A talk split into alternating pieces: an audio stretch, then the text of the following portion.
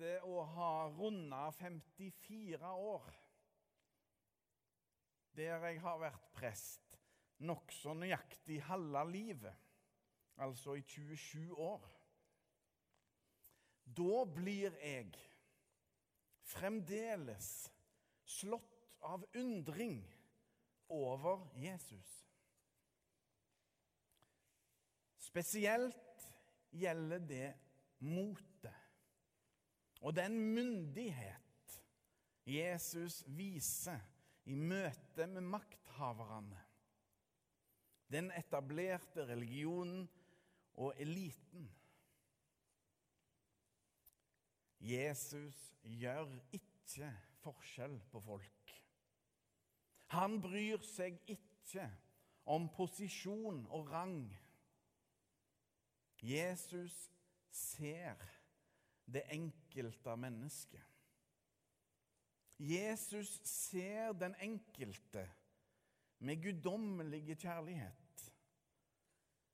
Han er forfriskende aktuelle og modige, også inn i vår tid. For han snur alt på hodet. Jesus setter de første sist. Og de siste først. Jesus er tidløse og umulige å sette i bås. Han utfordrer like mye nå som den gangen. La oss høre Herrens ord. Det står skrevet i evangeliet etter Lukas.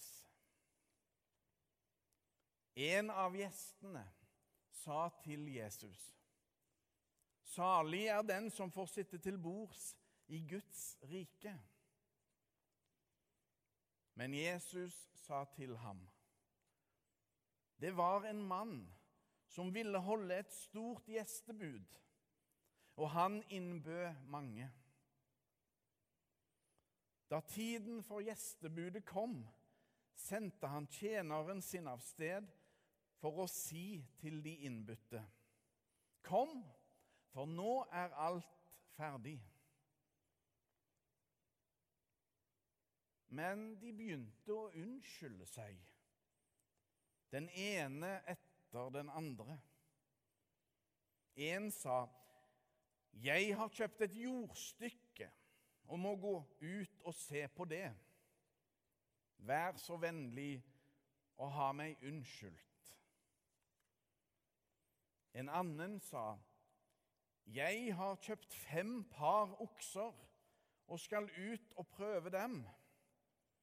Vær så vennlig å ha meg unnskyldt.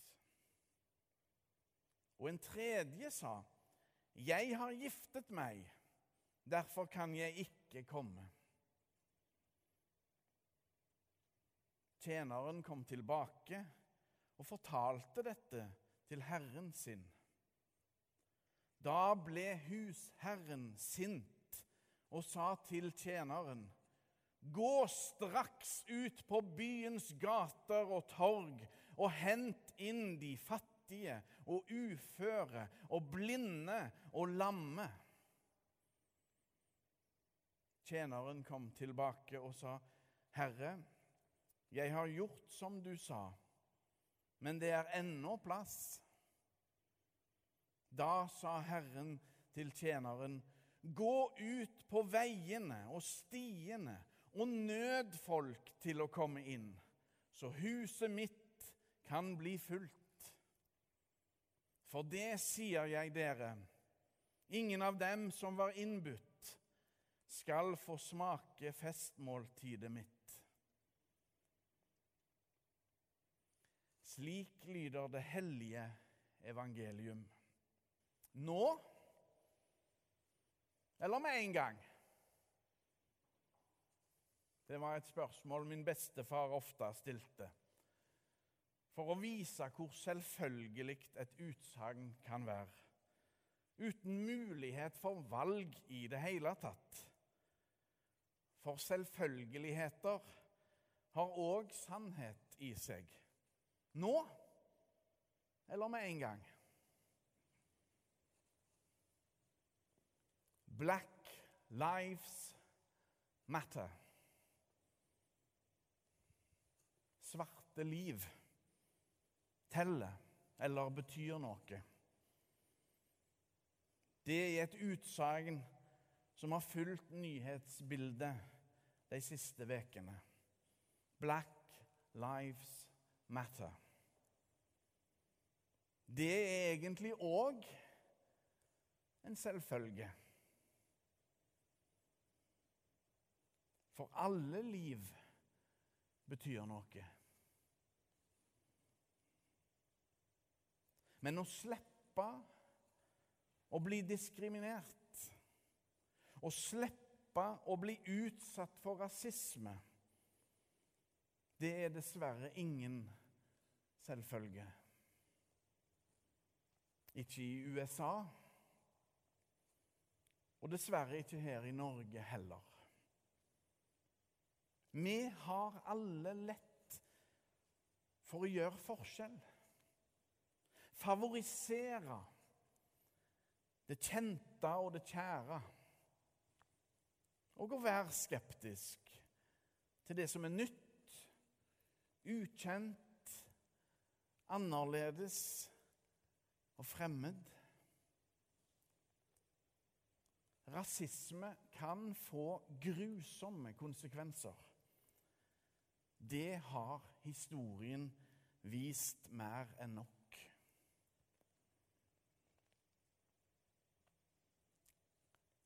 Vær så vennlig å ha meg unnskyldt. Dette er den høflige frasen som går igjen i lignelsen vi nettopp leste. De er mette, både på fest og mat og opplevelser, de som svarer. De er høflige nok, ja, til å svare, iallfall. Men dette er mer enn en trist historie om innbudte gjester som ikke gidder å komme. Gjestebudet Jesus forteller om, er selveste Guds rike. Det riket Jesus sjøl kom med.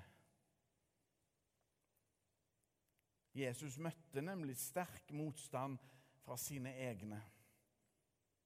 De skulle jo ha kjent Gud igjen i det Jesus sa og gjorde. Og noen gjorde faktisk det òg. Kjente Gud igjen. Men særlig de som var langt nede på rangstigen og hadde lite å tape kjente Gud igjen i det Jesus sa og gjorde.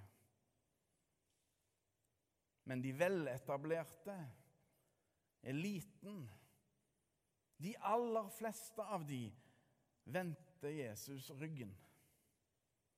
De sa nei takk til innbydelsen. Derfor er Jesu lignelse ganske skarpe. Det er som om den trassige Gud kommer til syne. Hvis ikke de først innbudte takker ja, ja, da senkes alle terskler. Da gjelder innbydelsen òg de som ingen kom på eller så. Da gjelder innbydelsen absolutt alle. Og de siste. Og de første blir sist. Og så er det slik vi er blitt vant til å tenke at alle mennesker, absolutt alle, har samme unike verdi i Guds øyne.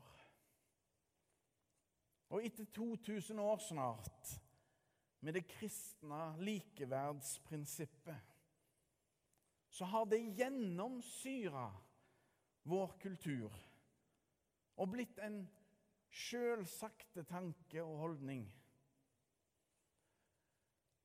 Men det er ingen selvfølge.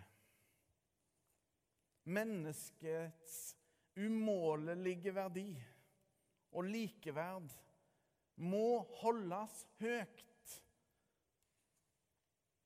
Alle er like mye verdt. Det store gjestebudet, den store jubelfesten som Gud, vår Herre, innbyr til, gjelder faktisk alle. Uansett hvem vi er, hvilken bakgrunn vi har. Og det er all grunn til å takke og gi seg for kjærlighetens overmakt. Jeg leser for tida Anne Franks dagbok. Den gjør inntrykk. Hun og familien bodde i Amsterdam og gikk i dekning, i skjul, under andre verdenskrig for ikke å bli tatt av den tyske okkupasjonsmakta. De ble dessverre tatt. Og med unntak av faren omkom hele familien i en tysk konsentrasjonsleir.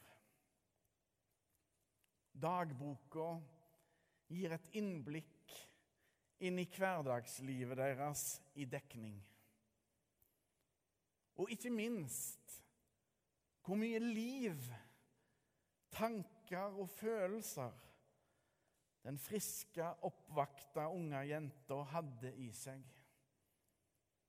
Hun ble et offer for systematisk rasisme og målbevisst utryddelse av det noen hadde definert som uønska.